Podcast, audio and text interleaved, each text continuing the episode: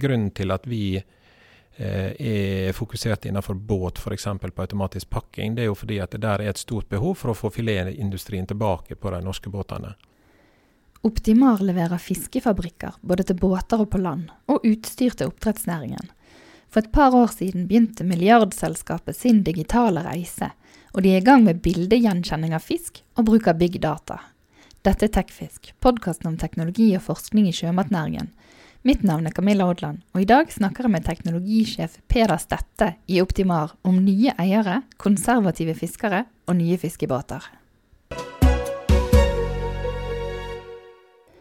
Peder Stette, jeg tenkte vi kunne begynne med en liten faktaboks. Eh, kan du si litt om Optimar? Hva gjør dere, hvor er dere, og hvor mange er dere? Ja, Optimar er et selskap som uh, produserer utstyr for å foredle fisk. Og uh, oss er ene og alene innenfor fisk, og der har vi tenkt å være. For det er et fantastisk marked. Vi har hatt en sterk vekst de uh, siste åra. Har nå kommet opp i nærmere 500 ansatte, fordelt i Norge, Spania, Romania og USA. Og, vi ser jo enda eh, videre, og har tenkt å etablere oss også i, i andre marked. Eh, det som er vår eh, kjernekompetanse, ligger jo i, det, i, i, i de tekniske tinga. Så veldig mange hos oss er jo ingeniør. Eh, eh ligger på ingeniørkunnskap, og vår tekniske avdeling har jo kommet opp i en 120-30 ingeniører Eh, etter hvert. Så det er en veldig viktig del av det vi driver med. Eh, og dere leverer bl.a. Fiskefabrikker både til båter og på land. Og de blir smartere og smartere. Kan du si litt om det? Ja, eh, oss beveger oss jo i lag med, med verden for øvrig. Og eh, det som er kjennetegnende, iallfall siste ja, Nå har jeg vært i, i bransjen her i 25 år i år, faktisk. Eh, og eh, de siste fem åra så har det vært rivende utvikling innenfor automatisering, både på land og på sjø. Og de siste to-tre åra så er jo digitalisering vært et begrep som eh, eh starta med en del eh, buzzord eh, som ja, si, forskerne snakka om. Og så begynte da en del andre folk å snakke om det. Og nå er det faktisk bedriftseiere og bedriftsansatte som snakker om det samme. Og disse her ordene har fått eh, mening. Og Kan du si litt om hva som, mening, hva som ligger i de ordene? Hva kommer ut av dette? Ja, Vi begynte jo vår eh, digitale ferd da, eh, for en to og et halvt år siden. Og Da begynte vi eh, å, å, reise rundt og høre litt på hva som ble sagt. Eh, skaffe oss kunnskap rundt eh, disse her begrepene. Eh, og så begynte vi å teste ut også, i liten skala. det har jo utvikla seg veldig fort.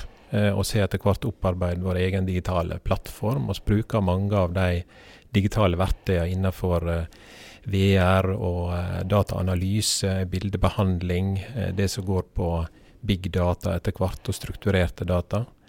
Um, og, og ser det vil bli en veldig viktig del av vår uh, kompetanse og våre produkter. Eh, og når da redere og oppdrettere og de som produserer fisken tar i bruk dette, hva fordeler får de med å ha big data og digitalisering og alle den typen ting? Det, det, vi, eh, det, vi, eh, ønsker å gi kundene våre, det er jo noe som skaper verdi på mange nivåer i bedriftene. Så en operatør ute på ei mære eller om bord i en båt, han har én type data som vil være interessant for han, og en daglig leder eller en driftsleder vil ha annen type data. Og Det å finne disse her gode use caser, da, eh, da må han være veldig tett på kundene, der han vet hva er det som virkelig vil gi verdi. Og Det vi ønsker å gi dem, det er jo beslutningsstøtte. Så de kan gjøre smartere valg hver dag og skape større verdier. Fordi systemer som eh, skal opereres, de består av så mange parametere at en, et, et, vanlig eh, hode greier ikke å, å eh, finne fram til beste løsninger, for det der er så mange ting som påvirker resultatet. Og Du sier dere begynte på en måte den digitale reisen for noen år siden. Hvordan opplever du at rederne og oppdretterne og de som skal ta i bruk dette, er de klar for det? Eh, veldig forskjellig i forhold til bransje, og også individuelt innenfor uh, ulike selskap. Så uh, fiskerinæringa er jo sett på som litt uh, konservative. Uh, men Og ser jo det at utviklinga går veldig fort nå. Og der er nye generasjoner som kommer inn i selskapene, og der er eh, kan si, annen governance i selskaper også, som gjør at du driver digitaliseringsdelen raskere framover. Og oppdrettsnæringen de kommet lenger, da, siden du sier fiskerinæringen er kjent for å være konservativ? Uh, ja, det vil jeg si. De har eh, en litt annen tilnærming. Det er en veldig ung næring. Eh, de er veldig uh, ute etter ny teknologi.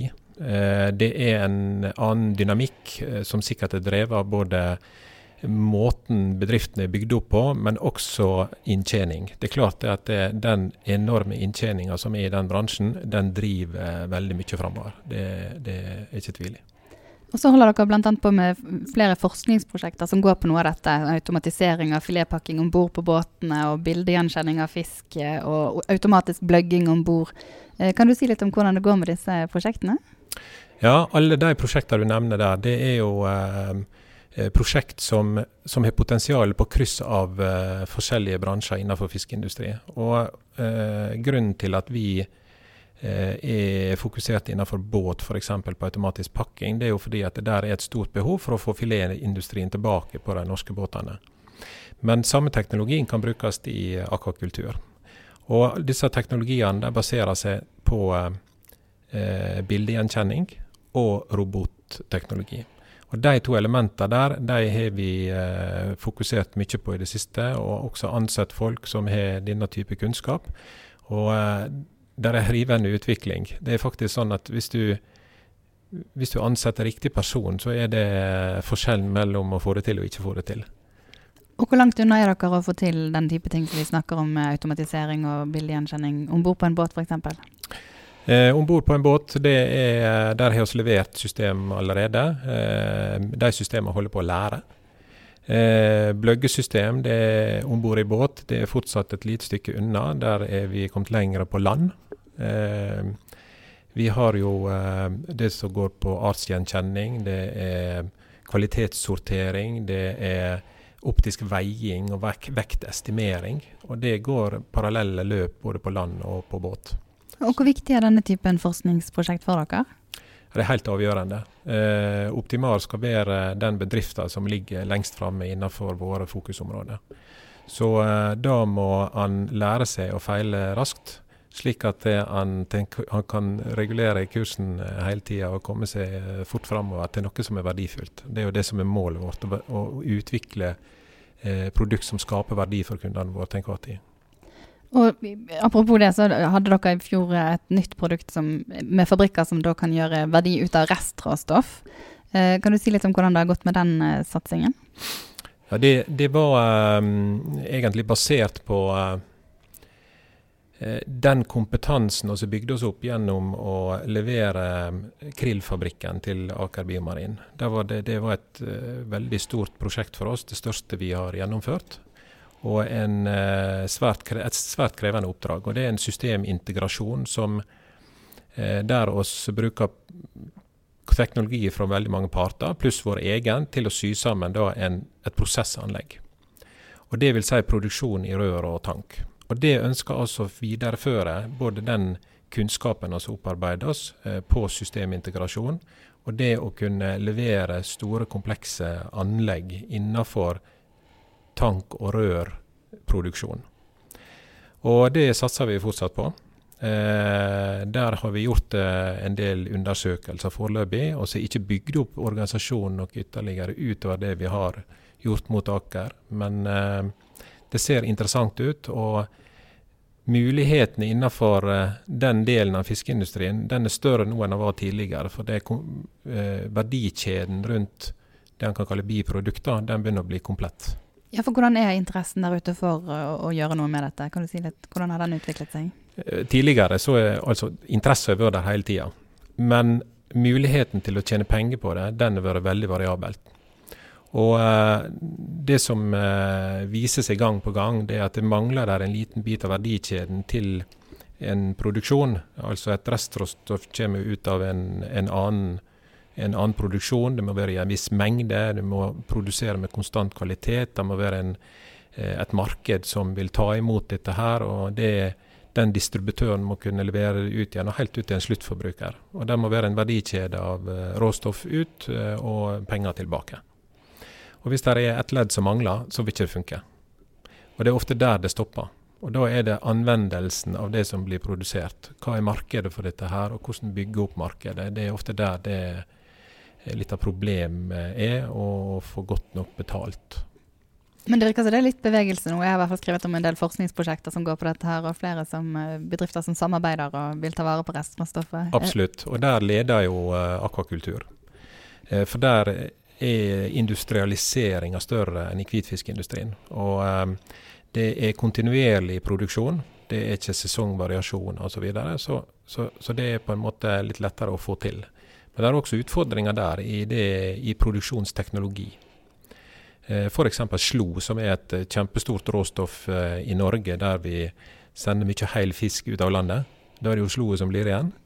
Og det å produsere verdifulle varer av rent slo, det er fortsatt en utfordring. da. Og så tenkte Vi skulle gå tilbake til historien deres. Optimalslo seg sammen med Peter Stette, som var din gamle familiebedrift for noen år siden. Kan du fortelle litt om hvordan det var, og hvordan det har gått etterpå? Ja, eh, det var jo en mulighet som åpna seg opp i 2014. Eh, da var eh, Credo Partners, som er en finansiell aktør, gått inn i Optimar.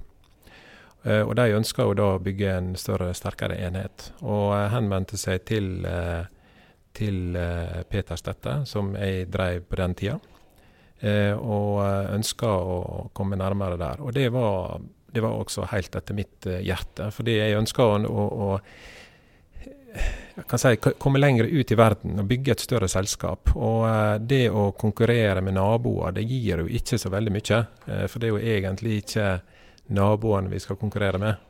Vi må eh, slå oss sammen, bli sterkere, komme lenger ut.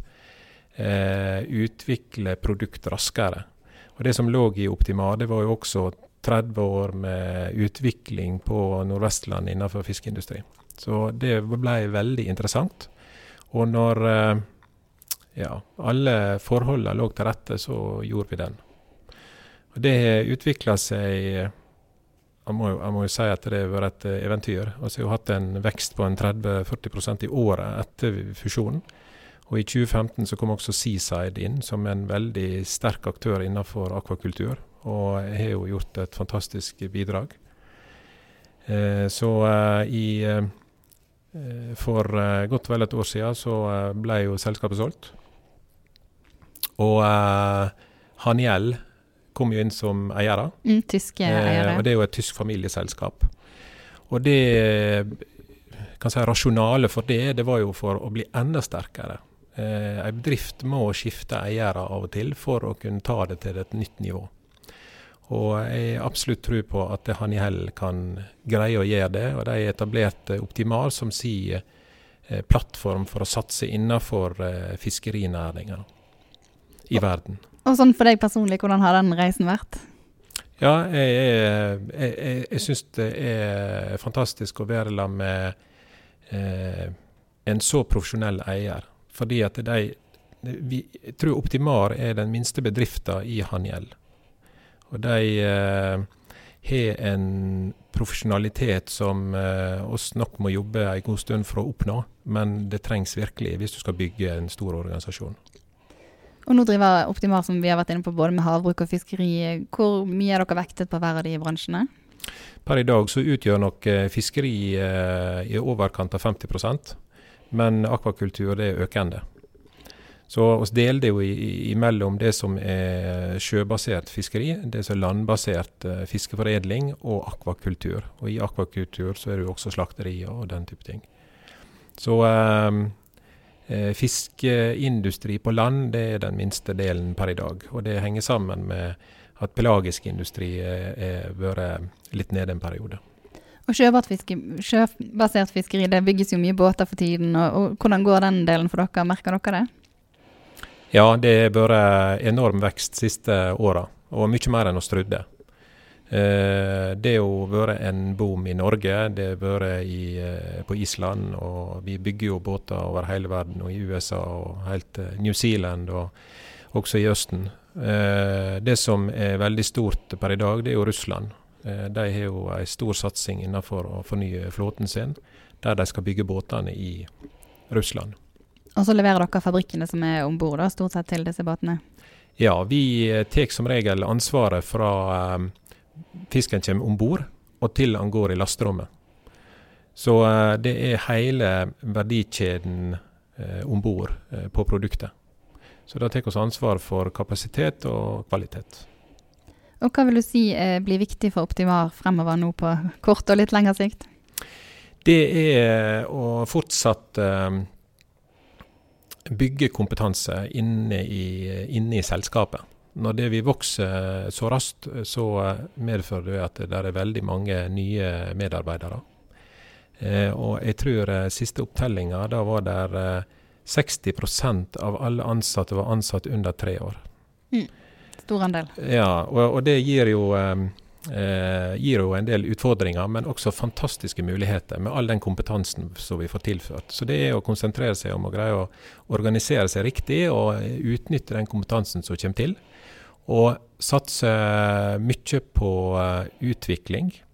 Eh, skape seg gode nettverk. Det er jo fantastisk gode initiativ eh, innenfor fiskeribransjen Eh, både fra eh, offentlig regi, eh, er det store nettverkssamarbeid innenfor digitalisering, innenfor teknologiutvikling osv. Så, videre.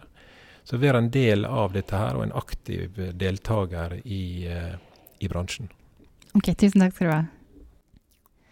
Skal du på Lofotfishing? Jeg skal spille inn to podkaster der om fremtidens fiskeriteknologi. Og jeg håper at du har lyst til å være en av de som kommer og hører på. Det skjer i Svolvær 30.3. Mer informasjon finner du hvis du søker opp 'Fremtidens fiskeriteknologi' på Facebook.